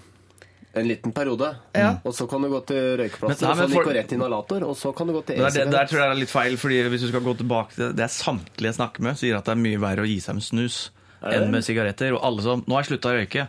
Jeg snuser innimellom, da. Og så går det tre måneder, og så snuser de fire bokser om dagen. Liksom. Så, jeg tror, så det må man ikke gjøre. Jeg må ikke Nei. trappe ned med snus. Farligere snus er mye mer giftig. Ikke giftig, Så bare farlig. ikke foreslå det at han skal gå tilbake til eh, snus, for, men si at du ønsker Det har du sikkert gjort allerede, altså, men det er viktig i den prosessen. Hvis han skal slutte å røyke, så må du være uh, backende og forståelsesfull, som sikkert er dritvanskelig nå, for nå vil du bare egentlig sitte i et kaldt rom og skrike og spise hveteboller. Eh, det kan være litt vanskelig da å backe han. tenker sånn, Skal jeg backe noen? Nei. Alle skal backe meg nå, faktisk. Men eh, prøv, i hvert fall. Eh, og så må du gi jeg tipper, gi han en e-sigarett. Det ja. det høres ut som en dårlig mail, men det er greit. Eh, gi han et eller annet sånn, For han også er antageligvis stressa inni kroppen sin et eller er annet sted. Så han trenger noe å blåse ut med. E-sigaretten ser litt sånn fancy ut, og det liker noen menn. vet du, At du, du har en sånn teknisk duppeditt som du kan drive og styre med. Jeg synes- nei, noe Ser det litt femi ut, eller? Ja, det jeg hadde slitt med meg sammen med en mann som røyka e-sigaretter. Altså. Hva bare er det du røyker på? Nei, en liten elsigarett. ikke noe Elbil og elsigarett. Jeg sliter med menn i elbil. altså, så hvis jeg skulle røyka el-sigaretter i tillegg, den. Den er kanskje litt uh, Men kommer Sunniva til å lage snusjus snart? Uff, fy faen. Det- Meierienes snusjus. Snusjus. De har allerede sånn pølsevann, har de ikke det? Det er det vannet som ligger inni pølsepakkene. Det kan du få kjøpt i litervis. Nå orker jeg ikke mer. Eh, nå blir jeg ømfintlig, faktisk. Lykke til. Eh, eh, si at alle i Lørdagsrådet hilser og sier at du må slutte å røyke, og helst snuse også. Kanskje det hjelper. Hva vet jeg. Eh, si åssen det går, da. Vi vil vite åssen det gikk. eh, og da sender du mail til oss til samme adresse som du allerede har brukt. Eller alfakrøll.nrk.no. Tog var det der, og eh, sansen. Og der er faktisk et godt eh, råd. Det må være lov å si til folk at man har sansen for dem, selv om vi er skikkelig skikkelig dårlige på det. Folk flest er dårlige på det, for de er så redd for at den man sier det til, sier ja vel, jeg har ikke så sansen for deg egentlig. Og så går man hjem og gråter og skrubber seg med altfor hard svamp i dusjen. det er ikke noe gøy, men man må eh, hoppe eh, for å få spredt, hvis dere skjønner hva jeg mener. Oi, oi, oi. oi. Eh, vi sitter jo her og løser problemer, vi er sånn mest naturligste ting i eh, verden. Og hvis du har lyst til å dele problemet ditt med oss, så sender du det inn da altså lralfakrøll.nrk.no. Og så vil jeg si det også at eh, om torsdag Altså, det går det ikke an å si, men jeg sa det jo. Torsdag, da, som kommer. Førstkommende torsdag, altså den 31. eh, Så har Lørdagsrådet eh, premiere på TV. Da under eh, navnet Rådet. Og det er jo hyggelig, da, om du som lytter også har lyst til å være seer. Eh, Jeg gruer meg jo selvfølgelig som en bever til det greiene der, men jeg, jeg, eh, jeg føler meg trygge i hender, for jeg vet at eh, Tone Damli er finfin som rådgiver. Jeg vet at Christian Borch er det, og jeg vet at Tore Sagen er det. Og de er jo med alle tre da på torsdag, så ta og se litt på det, da. Vi skal videre her med radiosending og ta flere problemer. Vi skal faktisk en tur til Berlin, og ja, vi skal ha quiz i Berlin. Men det er ikke alle som får være med. Lørdagsrådet på P3. Det er hun altså, Nuni Bao, det der. Ung og kåt, og før det One Republic, Counting Stars. Eh, Jeg har sagt at vi skal til Berlin, vi skal på quiz, men ikke alle får være med. Men det får selvfølgelig dere som er eh, rådgivere. Mia Hundvin, komiker.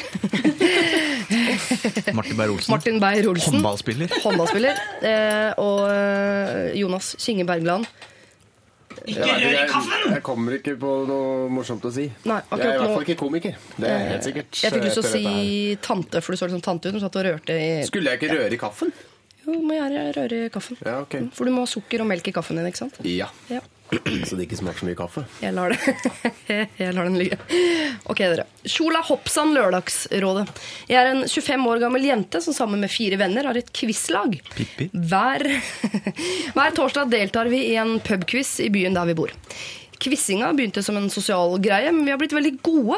Og for en uke siden kvalifiserte vi oss til et stort internasjonalt quizmesterskap i Berlin. Jubelen sto selvsagt i taket, og vi har nå muligheten til å vinne 10 000 euro i Berlin. Laget vårt består av en som er veldig god på kultur, en som kan alt om historie og politikk, og en som er helt rå på sport. Og her er problemet. Det fjerde lagmedlemmet er ikke den skarpeste kniven i skuffen, hvis dere skjønner.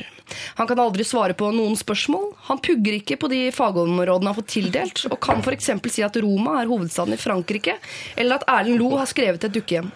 Han er jo kompisen vår, så vi har ikke, vi har ikke lyst til å være quislinger og dumpe han. Men samt- samtidig tror vi det vil gå veldig mye bedre for oss i Berlin hvis vi kunne tatt inn en annen person på laget. da. Hva kan vi gjøre? Er det noen lur måte vi kan bytte inn en som kan bidra mer, uten at vi sårer vår eh, noe usmarte venn? Hilsen tre fjerdedeler av et quizlag.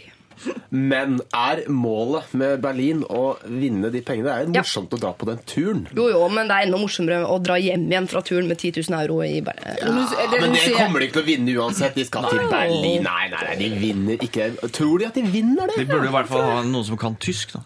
Absolutt. Så de skjønner spørsmålene. Det er jo veldig gøy å ha med seg en fyr som svarer helt i villen sky på Hvis han tror at eh, Erlend Loe har skrevet et dukkehjem, så er jo det en veldig morsom fyr å dra på tur med. nå er det misforstått. Det viktigste er ikke å delta, det er å vinne. Enig.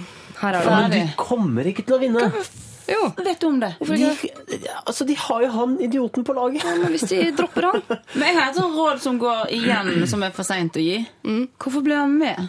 Ja, for det begynte som en sosial greie, men så har de blitt gode. Ikke Hvorfor gir du bare sånne råd som er for seint? Ja, men Hvis de har blitt gode, så har jo han Da er de tre så gode, og så har han bare vært med. Da kan han, da, sånn sett kan de bare ta han med. Men jeg hadde jo gått ned der for å vinne, og da hadde jeg fått inn en ny.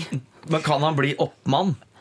Eller materialforvalter? Ja, altså idé. så han er fortsatt med? So ja. SOS-ansvarlig?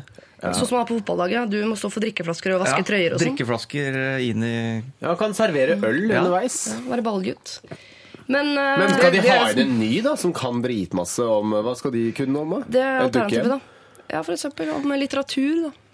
Men er det sånn, ok, men eh, hva er reglene for denne konkurransen? For det er sånn, du, Vi har kvalifisert til VM. Vi skal bare bytte ut alle spillerne våre med de smarteste menneskene i hele verden. Er Så vi, så vi vinner de.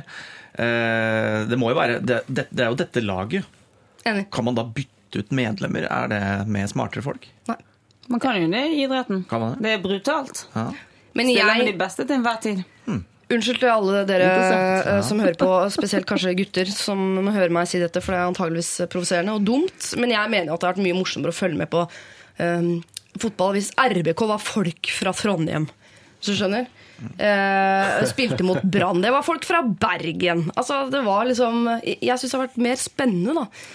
Hvis det var uh, by mot by, sånn som de later som. Jo, det har vært mye kult. Nå, nå er det jo kjøp, kjøp og salg og bytte og det er, det hele den industrien der syns jeg er møkkete. Ja, men tenk så dårlig tippeligaen er i utgangspunktet. Hvis du Ja. da skulle holdt det lokalt det hadde, eh, blitt damefotball med herrer. Skal vi snakke mer om det quiz-greiene, eller? Det kan vi godt gjøre.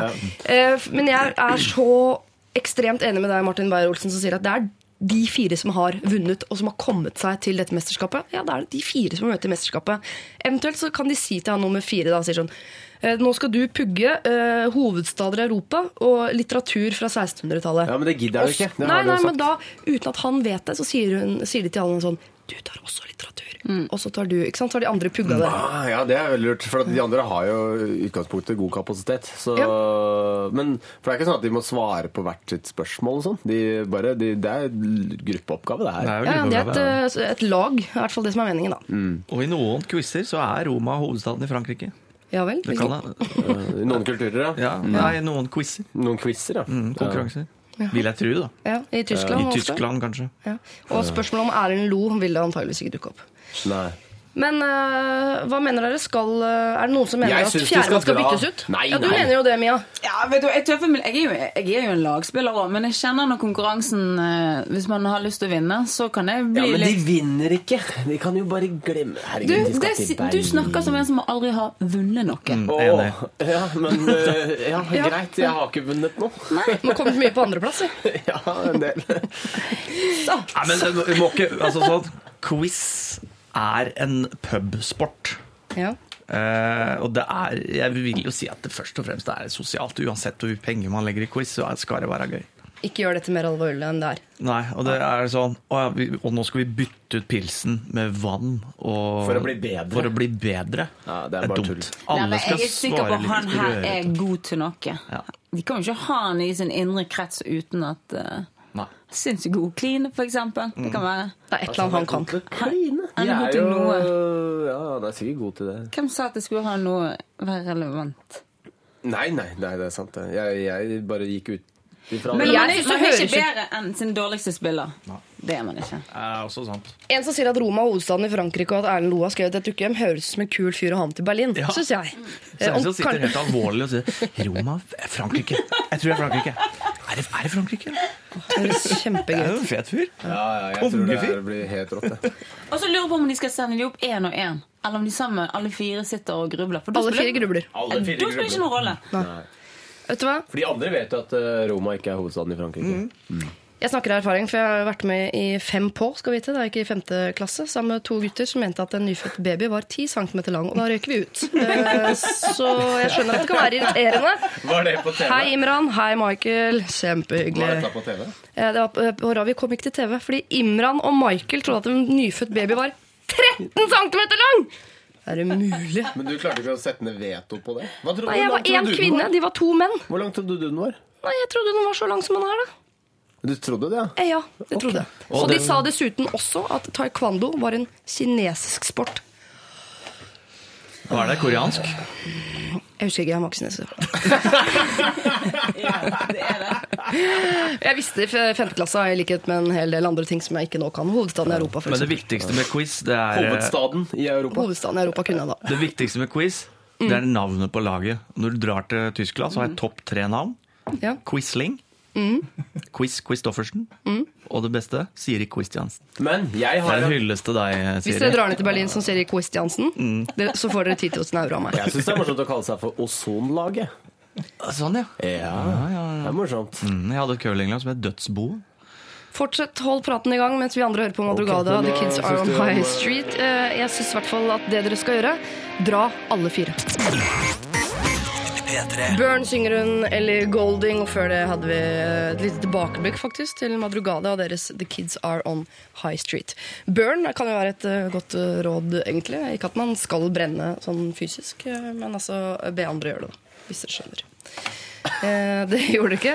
Det er greit. Så når jeg sier dere, så mener jeg eh, Martin Beyer, eh, Mia Hundvin og Jonas Synge Bergland. Mm. Vi skal over i eh, kjærlighet av typen avstand.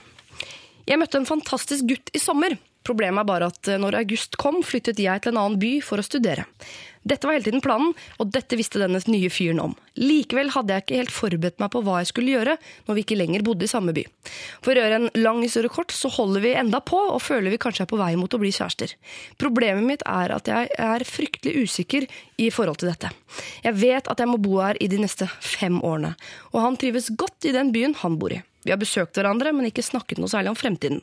Jeg er redd at det hele kommer til å ta slutt om jeg tar opp dette alvorlige temaet. Jeg føler på mange måter at det aldri kommer til å funke pga. Av avstanden. I tillegg til dette syns jeg heller ikke han burde flytte hit, da det ville gjort alt veldig seriøst og voksent. Jeg ville i tillegg følt en konstant vertinnerolle og nesten skyld over at han flyttet hit pga. meg. På en annen side så har jeg ikke troa på et avstandsforhold. Det blir vanskelig i forhold til savnet etter hverandre og mine trust issues. Igjen, les utrops, utroskap. Han jobber dessuten offshore, og det er derfor lenge mellom hver gang han er på land.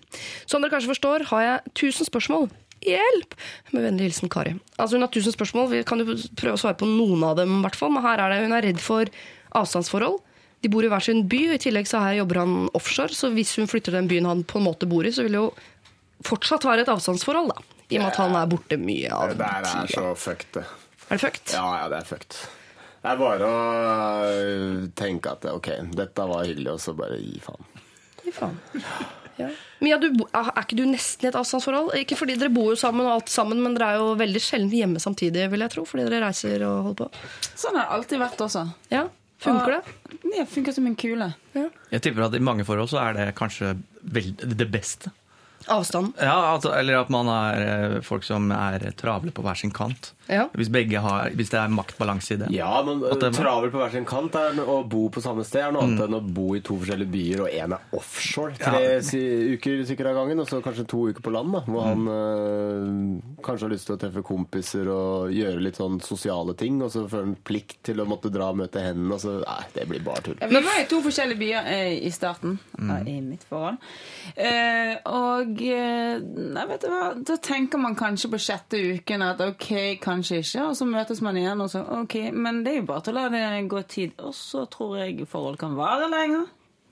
Det er ikke dumt. Nei, fordi altså den der, uh, nye Den startfasen et forhold som jo er uh, hvor man er usikker, men forelsket, og alt er liksom opp ned og gøy. Og i Den er. Den, jo, men den er jo den fineste også. Og den varer jo mye, mye lenger. Fordi det er jo i usikkerheten at den der eh, eh, fjortisforelskelsen dukker opp. Fordi man er usikker, men forelsket, og man er helt sånn kokelig munke inni kroppen. Og den kan man jo få til å vare Uh, i nesten de fem årene hvor hun skal bo i et annet land og studere. Da. Jeg tipper medisin, for det er da fem år. Jeg tipper hun er i Gdansk, tipper jeg. Ja, men er det i to forskjellige byer? Er det to forskjellige land? Ja, det sier hun. hun sier jo ikke land, da, så sånn sett er det jo ja, ok. Nei. Det går hvis du stoler på den andre. Det går ikke hvis du ikke stoler på han andre. Hun har trust issues. I sitt forrige forhold så var Stoler altså altså han ikke, og da er konklusjonen din det går ikke. Nei. Du må nødt til å gi opp, eh, du må nødt til å gi opp den Gi opp, det er alltid min uh, løsning. så, du, hvis noen er i et forhold og det har vært utroskap, og de går videre, så kan ikke de bruke det utroskapet etter de har sagt ok, vi prøver igjen. Det kan ikke komme opp igjen. Så hun, hvis hun går inn i dette forholdet, så kan ikke hun drive og ringe. For det, uansett, dette tror vi har snakket om før også. De kan bo i eh, samme by, samme hus, ha samme jobb. Han kan likevel være utro. Og eh, det er ikke han her Mia og jeg snakket om har det. Eh, Han her har ikke vært utro. Det er eksen hennes som har vært utro. Så det er ikke han offshore-mannen har ikke vært utro. Nei, men se, Han kan være vekk i fire uker og være trofast, og han kan være hjemme i fire uker og være utro. Takk for meg. Ja, Han kan jo ha det sånn er hanky-panky hver dag i fire uker av gangen. Han mange hundre meter under vann, for alt vi veit. Ja, ja. Men er det sånn at offshorefolk er mer utro? Jeg, jeg, av en eller annen grunn så tror jeg det, men du tror øh, ja. Jeg Det kan er jo helt sikkert ikke sånn. Men De det bare, tenner på menn i kjeledress og oljerigg. Ja, men jeg tenker at de blir så utrolig uh, gira av å være ute på den der eh, plattformen. Ute? olje opp av havet. Ja. står og borer Jeg hele tror de dagen. borer hele dagen, og så må de Men lei bore når de kommer hjem. Er det det du sier? Nei, men litt med mannefengsel blander du. Mannefengsel og Å ja, det er ikke fengsel. Kunne fungert fint som fengsel. Det er Tvangsarbeid utpå der. Men eh, ok, jeg tror altså, Bare det at hun har det problemet nå, og hun, hun skriver inn her bare er, Jeg har trust issues, dette her blir vanskelig, jeg skal være sånn og sånn, han kommer ikke til å flytte hit, jeg kommer til å føle meg som vertinne, bla, bla, bla. Det kommer ikke til å funke. Bare la det liksom fade sånn sakte ut, og så kan man kanskje møtes igjen om fem år da, og så se åssen det går. Men er det ikke sånn at man i begynnelsen er usikker og stiller alle de spørsmålene? Det kommer ikke til å gå for fordi sånn og sånn og sånn. Og sånn. Og hvis kjærligheten er sterk nok, så overvinner den alle de der praktiske spørsmålene, og så får man det til å funke på en eller annen måte. Ja, men da har man ikke stilt de spørsmålene. Jo, man gjør det inni hodet sitt, men hun gjør det også på mail, da. Men det, forskjellen er ikke så stor. gang man har det på mail, så er det, det er løpet kjørt. Men det er jo noe- dessverre noe realisme i det Jonas sier, selv om Ja, det er da. veldig depressivt å høre på. Ja. Så er det jo en indre monolog der, som sikkert mange har, som dessverre stemmer. Det som er depressivt Ja. eh, ved meg, ja. Ja. Mm. Men tror dere ikke mye ikke. kan løse seg hvis de blir enige om at Men hei, vi er forelska i hverandre. Vi er kjærester. Sånn at de på en måte eh, får landa det. Sånn at ikke alt er usikkert. Vi er kjærester, vi er i hver vår by. Vi prøver å få det til å funke. I stedet for nå å være sånn Vi er ikke kjærester, vi, vi er ikke liker hverandre. Det er ingenting som har landa, liksom. Overhodet ingenting. Prøv det, da. Mm. Og går det ikke, så går det ikke. Men nå har de jo ikke prøvd engang. Det må skrives dikt. Det må leves som på 1800-tallet. der. Ja, sende brev. Po poesien må Sende brev. Ja. Drit i Skype og det greiene der. sånn. Send brev. Det er eh, ålreit, vet du. Ja, men jeg sier helt, Han kan jo så sende masse flaskepost fra den der eh, plattformen sin. Kommer helt an på hvor hun bor. Kan bo i Innlandet. Men jeg tror, jeg tror du har rett. Hvis de bare tar ett valg det Valget kan være å, at de prøver å være kjæreste, eller bare at du, vi ser hva som skjer. For det er et valg, det også. Og da tror jeg ting kanskje går begge veier. nei, men jeg tror, jeg, nei, men, jeg vet det. Nei, men jeg tror det som Siri sier med det valget, at du føler at du har tatt et valg. Uansett hva det er, så har du tatt et valg. Det tror jeg òg. Og, og jeg hadde det når jeg, når jeg hadde Var det derfor du sa det? Jeg flytta jo fra når jeg går, Alle drar jo i militæret, eller no, 20% av oss da, som er eh, alle, altså. føre, drar i militæret. Og da hadde jeg kjæreste og skrev vi brev til hverandre hver uke. Veldig romantisk. Ble slutt. Ja. Velkommen til verden, sånn er det. Ja. Men det var fordi du var 19 år og 19 år. Ja, ikke sant. Ok, eh, Tusen takk for hjelpen, rådgivere. Jeg velger å konkludere med det jeg sa, for jeg syns uten tvil at det var det smarteste. Eh, ta et valg. Prøv, da. Dere har jo ikke prøvd engang. Og går det til helvete, ja, så går det til helvete. Sånn er det bare. Dette er Lørdagsrådet På P3. P3. Jeg tuller mye med hva som er favorittmusikken til eh, Dr. Jones, men dette her er faktisk favorittmusikken til Dr. Jones. eh, Le Metre, Cut to Black. Der, altså. Jeg tenkte å minne om at eh, hvis du har et problem vi ikke har eh, tatt opp, eh, som du tenker kan være fint inn i vår bukett av problemer, så send det inn. Bruk da lralfakrøll.nrk.no, eller så kan du også sende på SMS. Det har jeg glemt å si i dag, faktisk. Det koster en krone, da. Men da bruker du kodeord eh, P3, og du sender det til 1987. Vi skal ta et problem til her i Lørdagsrådet i dag, eller kanskje to. Vi får se litt åssen tida strekker til, rett og slett. Men først eh, så skal du føre Imagine Dragons. Dette her er eh, On Top of the World. P3. Justin Timberlake med sin TKO, som jeg nå har lært at betyr technical knockout. Et eh, begrep, andre begrep i dag faktisk i Lørdagsrådet, fra bokseringen, rett og slett. Eh, og så har vi vel også hørt Imagine Dragons, On Top of the World. Men det virker så lenge siden. Men det betyr ikke at vi ikke har hørt den. Martin Beyer-Olsen er rådgiver i dag. Det er også Mia Hundvin, og det er også eh, Jonas Bergland. Nå så du streng ut, Jonas. Ja, ja, jeg bare ventet på Jeg var veldig usikker på om du skulle si Jonas Kingeberland eller Jonas Bergland. Og så sa du bare Jonas Bergland, og nå blir mamma forbanna på meg. Åtte av ni ganger får være greit. Jeg og mora di kommer aldri uansett til å bli bestevenninner. Nei. Av alder og avstand og så Ja, videre. og Ja. mye sånn logistikk der som er vanskelig. Ja. Og så bor hun på gård. Det er ikke helt min greie. Nei, gjør ikke det lenger. Jeg flyttet inn i min nye leilighet denne uken. Vil si mitt åtte kvadrats kott. Jeg var på min første visning på sensommeren og var mildt sagt desperat etter en plass å bo. Det endte med at jeg fikk tilslag på denne. Jeg oppdaget imidlertid raskt at dette var ikke noe kupp. Det største problemet er at jeg ikke har plass til et skrivebord. Den ene veggen er tynn og buler. Ingen varmekilde. Blinkende ruter. Ikke engang lås til døra. Fellesrommet er skittent, og i tillegg har jeg ikke blitt veldig godt mottatt. Jeg har hele uka vurdert hva jeg skal gjøre, og selv om det er eh, umoralsk og dårlig gjort, frister det ikke å skrive under leiekontrakten. Jeg betalte tross alt 5000 eh, Jeg betaler tross alt 5000 i måneden uten strøm. Det største problemet er kanskje at utleieren selv bor i denne leiligheten. Altså Han vurderer å flytte ut av noe han akkurat har flyttet inn i, og det har han faktisk muligheten til, for han har ikke skrevet under på selve leiekontrakten. Skal han gjøre det? Ja. Det høres jo helt dritt ut å bo der, da. Ja. Det tror jeg nok det Er er. det, var det 8 kvadratmeter. kvadrat? Hvor mye, mange kvadratmeter er en seng? Hvis du har en 1,20-seng, så er det 1,20 ganger 2. Det er to Ok. Ja, det er cirka 5000? ja, Det er jo helt sinnssvakt. Hvor er det det her ligger, da? Det vet jeg ikke. Nei. Men av åtte så er sengen da i overkant av to kvadratmeter. Da. Så da har han seks kvadratmeter igjen. 25% av rommet er seng. Ja. Så har han plass til et nattbord. Eller fire senger. Ja, så han sitter på rommet sitt da, og ikke får gjort noen ting, for han har ikke lo- lov eller mulighet til å skrive Nei, nei, det er bare å flytte inne. si at du, sorry ass, det her går ikke. Det er sikkert vondt å få morgenbrød der inne, for det stanger i veggen. Altså. Det kommer an på lengden på penis. Dette er uh, humor. Tusen takk. Det varmer et hjerte når det kommer fra et komiker, komikermunn. Hva, men han, eh, egentlig så kan han jo ikke flytte ut, for han har jo betalt eh, leieboer Altså Han har betalt månedsleie allerede og har jo flyttet inn. Ja, men det, bare, det er vel oppsigelsestid på ting. Det er ikke sånn Han har ikke skrevet under på leiekontrakten.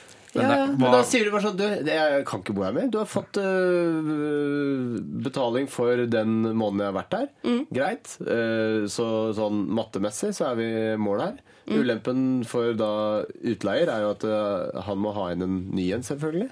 Ja. Og så er det pinlig å si fra, da. Men det er jo Men ikke kompis. Men herregud, så praktisk å bo i en åtte kvadratmeter leilighet. At det er praktisk? Ja. Og du syns han skal bli boende? Hver gang du strekker ut hånden, så er du liksom på soverommet eller Du liker kjøkkenet. å bare eller... ligge som en blekksprut midt i rommet og bare hente ting. Jeg syns det høres helt nydelig ut. Lite å vaske det og Ja, kunne vi mulighet til å ha en skrivepult, da? Har ikke folk laptop nå? Ja, så har jo laptop på fanget. Jeg har aldri sittet min laptop noen gang på et skrivebord. Veggen buler. Vil du ha en bulende vegg? Hvorfor buler Ja, den hvorfor buler den Følger du opp Siri sin Hva det liste? Sikkert fordi at det er trangt i rommet ved siden av, og så er det noen som har pressa inn det bordet da, som han vil ha. ikke sant? Så han, eh, ja, Eller kanskje det er basseng i det rommet ved siden av. Eh, Vannseng eller ja. Ikke sant. Nei, det er vel bare å komme seg, komme seg ut med altså, sånn Hva annet var det? Det var masse Han drøye har, ting. var det vært, ikke? han har vært på visning der, så han vet jo hva han har kjøpt. ja. Men han, ja, han leier. Leier, ja, ja, Men han veit jo hva han har s- Han kan skrevet. fake et eller annet akutt som gjør at han må flytte. Og si sånn Du, jeg må flytte hjem til min døende mor. Eh, Så dette her går ikke lenger. Beklager. Og, men det er jo veldig praktisk. Vi har jo ikke skrevet under leiekontrakt ennå. Og jeg må bare rygge ut av dette her og komme meg hjem og være sørgende. Beklager. Ha det bra. Jeg syns det er interessant at en syns ikke at han ble godt tatt imot. Nei. Hva, litt sånn urealistiske forventninger til uh, Han ble ikke godt tatt imot. Ikke godt tatt imot. Det bor sikkert ganske Hva mange der, tipper jeg. Jeg tipper det er et stort bokollektiv, dette her. Så han tenkte nå flytter jeg inn her, nå får jeg en ny familie, nye venner. Hvis det er stort bokollektiv, så får jo han der utleier masse inntekter uansett fra før. Ja. Dette går helt bra. Det høres jo ikke Og det er jo boligmangel i Oslo. Det er ikke sånn at uh, Det det, står sånn, mitt boligmangel. Eh, Får inn nye folk med en gang. Nå ble jeg usikker på meg selv. Nå må jeg gå hjem. Men Du får ikke gå hjem før om 28 minutter. det andre tar den. Ja, Det fins nok av mennesker der ute som trenger bo. Men har Studenter. han et sted å gå? Det sier han ingenting om. Nei. Eh, Men han lurer vel sikkert på Skal jeg eh, si fra at nå leter jeg etter annen bolig, og da måtte være i dette kollektivet sammen med utleier lenge og bli skult på mens han leter, eller skal han finne og si sånn 'Jeg flytter i morgen', og gjøre prosessen kort? Ja, ja, det må man gjøre. Man bare hale ut tida på å ikke skrive ut kontrakten. Og så Jeg må flytte i morgen. Mamma dør snart, så jeg må flytte hjem til henne. Finne på den Du sverger til eh, døde Ja, mor. lyve. Alltid lyve. Det er viktigst. eh. Nei, nå legger vi for mye følelser i det her. Han sier ifra. Jeg ser at noe nytt passet ikke. Jeg tror ikke leietakeren trenger Han bryr seg ikke om moren dauer eller ei. Eller er døende. For utleier kan si sånn eh, 'Du har tre måneders oppsigelsestid', og da må eh, innsender her si sånn 'Vis meg den kontrakten'. Men da vel. Ja, men er det, for det er vel en sånn eh, Er ikke muntlig like bindende som skriftlig? Jo, Men han det har- blir ord mot ord, ikke sant? Jo, Man har jo antageligvis et papir på at han allerede har betalt en måned med husleie. Eh, Det i seg selv er jo en slags kontrakt. Så han, hvis han er eh, rasshøl, som det høres ut som han er, da, i og med at han eh, leier ut små kott med bulende vegger osv., så, videre, eh, så kan han jo gå til banken og få papirer og starte en helvetes mølle. Ja. Og da Er det ekstra utrivelig. Men da er det bare tre måneder med utrivelig, og så er du videre. Ja. Han kan jo kan han bare flytte i løpet av en natt? Ja, ja. Bare bli borte? Det er også en mulighet. vet du. Han har sikkert ikke så mye greier der inne. Det er Du, bitte lite. ofte så skal ting gå seg til. Gi det en sjanse. Gjør det ordentlig. Betale hver der i de tre månedene. Og så kanskje på den tredje måneden så plutselig så er ting ordnet seg. Så har du lyst til å bli der? Dette sa jeg altså til vår eldste som startet på videregående. Ville slutte på videregående med en gang. Dette var ikke noe for meg. Gi det en uke, sa jeg. Klok. Nå er det bra. Nå er det bra. Det er bra. Overganger er kjipt. Ja, Men er det så bra med det? Var det bitte små klasserom med bulende vegger? Ja, musikklinje, musikklinje og bule vegger og senger i klasserommet. Det var Jeg har det. Jeg har det. Skyld på allergi. Det er, det er et eller annet inni rommet som bare Beklager, jeg får blødende øyer. Jeg må ut. Ja, for det er en del sånne fjerne diagnoser du kan eh, Ja. skryte på deg. Sånn der L-overfølsomhet, f.eks. Det er ingen varmekilder. Det, kan du- det kan du si at du har, og så er det ingen som kan eh, motbevise det. Og så kan du flytte og si sånn Det er Ja, bulfobi. Bulofobi, ja. Jeg gjentar, det er ingen varmekilder i rommet, så å skylde på at øh, jeg er allergisk mot teknologiske Nei, men du kan si at det er en wifi-anlegg i området som gjør at dette her blir vanskelig for deg. Nei, kom an igjen. Altså, kan han bare være der i tre måneder? Hvor mye tre måneder av et langt liv? Ingenting. Og så lærer han sikkert noe med at han var med en kjip gjeng og en kjip utleier. Jeg mener han skal bli de tre månedene. Ja, ja, bli de tre månedene. Greit, så men det er kan bare han å se- si at jeg gidder ikke mer. Nei, du jeg, eh, og nå er det hevngjerrigheten i meg som snakker, men her er det en utleier som har vært kjip. Da skal du som leietager også være kjip. Du skal gjøre livet hans litt vanskelig. eh, Og si Flytte jeg flytter ut, ja, og da snakker vi om i morgen. Lykke til!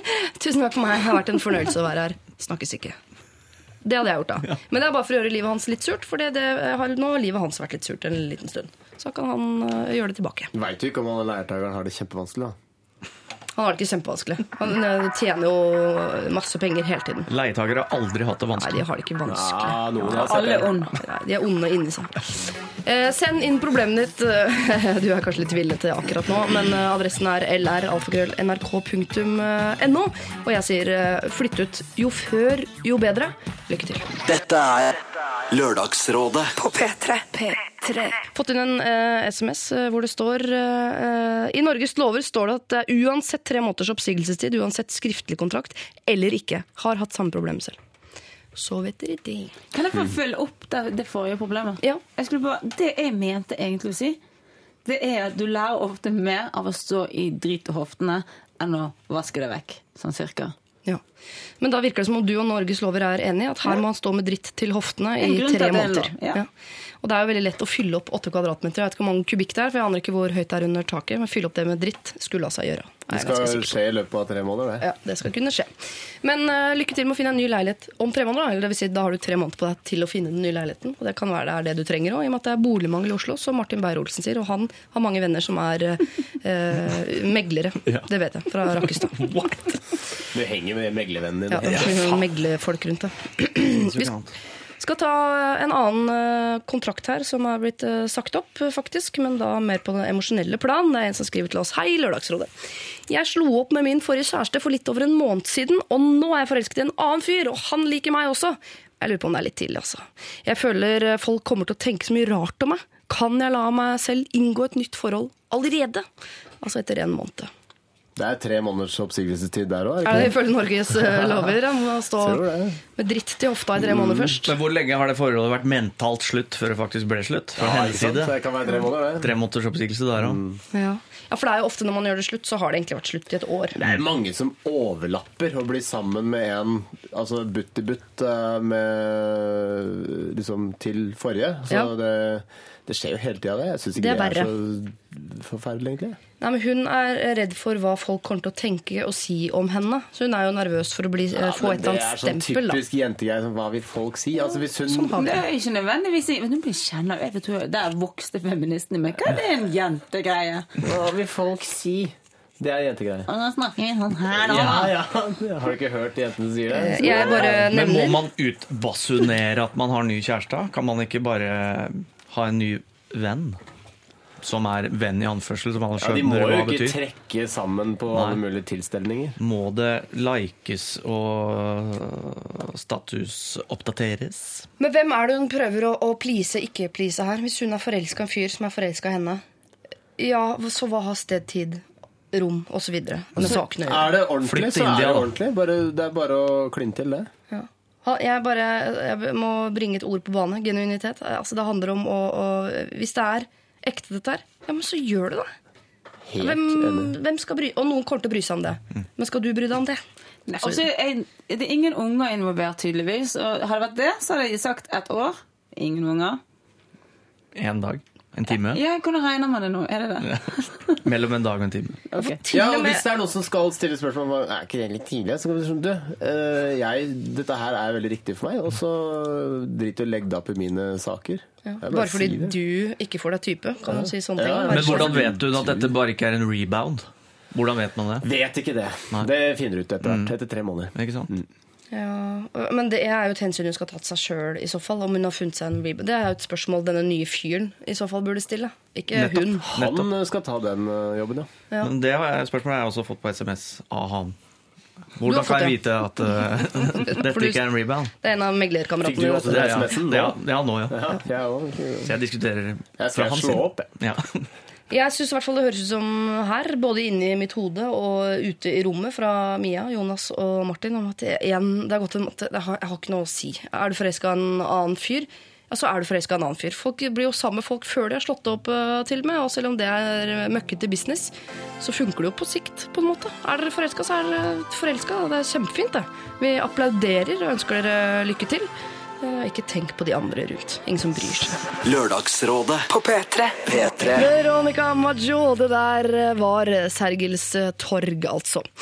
Dere skal få lov til å dele ut en eh, T-skjorte, kjære rådgivere, når, eh, av rådgivermodus over på utgivermodus. Og jeg skal si hvem som er eh, dagens kandidater til å få denne T-skjorta. Vi har ei hønemor fra Sverige, og da snakker vi ikke om typen hønemor som er sånn som plukker på ting, men hun har lyst til å legge egg i andres reir. Altså hun vil bli eggdonator, og er usikker på om mannen er enig. Eh, Over til noe ganske annet. En eh, kvinne som har en kollega med en ånde som lukter død bøffel, og ønsker å si fra, men er usikker på hvordan. Så har vi to jenter som sammen gikk, eh, gikk sammen om å skrive en mail, for de er forlovere for ei jente og gleder seg til det. Men mennene deres er ikke invitert i bryllupet, og det syns de er noe rart. Ikke snus takk, ikke røyk takk, har vi et problem som heter. og Det er da en gravid kvinne som har fått mannen sin til å slutte å snuse, og da begynte han å røyke. Og nå vil hun at han skal slutte med det.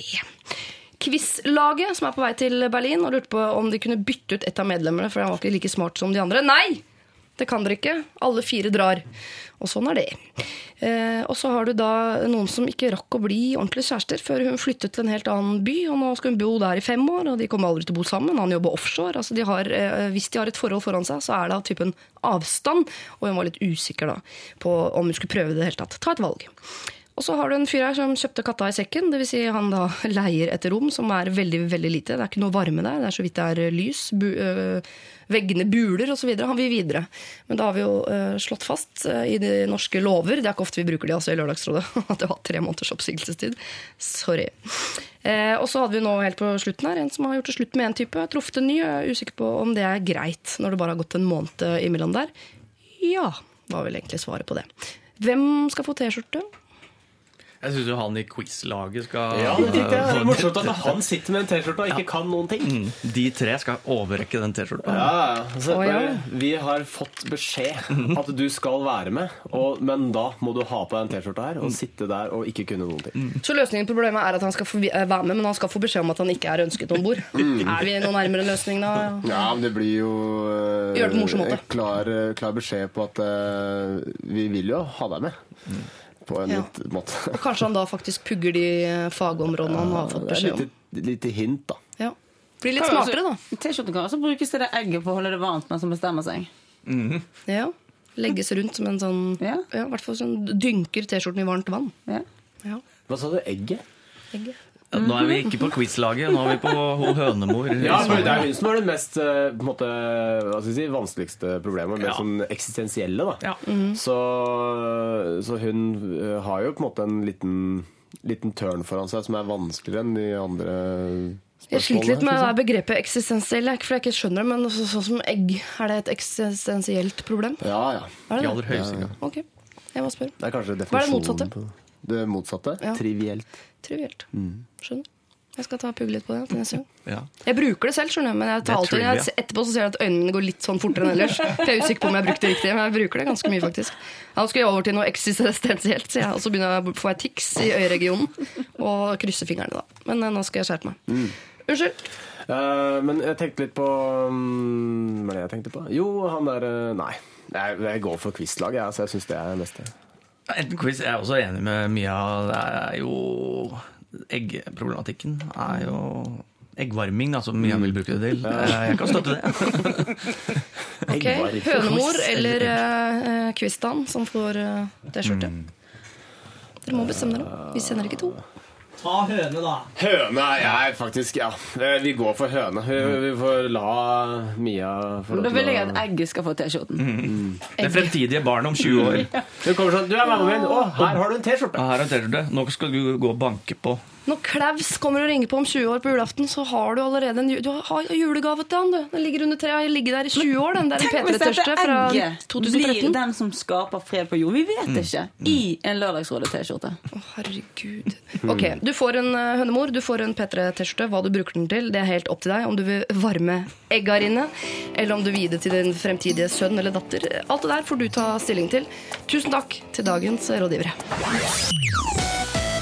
Zelo Green, fuck you, synger han. Og det er også et godt råd, for det er utrolig deilig å kunne si det til noen av og til, selv om det er slemt. Lørdagsrådet i dag er eh, over, men jeg tenkte å si at om en uke så er vi jaggu meg tilbake. Da har vi Gaute Grøtta Grav som rådgiver. Synnøve Ska- Skarbø kommer, og det gjør også Dag Sørås. Det blir eh, tre finfine timer, det også. Enn så lenge så kan du jo laste ned vår podkast via nrk.no podkast, eller via iTunes, selvfølgelig. Eh, Og så vil jeg at du skal gå inn på Facebook og se på bildene. Nå har Dr. Jones vært så grei at han har tatt eh, også bilder av meg uten dobbelthake. Det setter jeg pris på. Det er en av dine mange gode egenskaper, Jonas. Eh, Og fortsett å sende inn problemer. Eller alfakrøll.nrk.no. Var det noe mer? Ja! På torsdag, hvis du ikke har noe annet å gjøre, kan du ikke se på TV, da? Eh, Sånn 22.20-aktig på NRK3. Da dukker nemlig Lørdagsrådet opp i TV-versjon. Takk til produsent og tekniker Dr. Jones. Eh, Kos dere da, resten av lørdagen. P3 Dette er Lørdagsrådet på P3. P3. Hør flere podkaster på nrk.no podkast.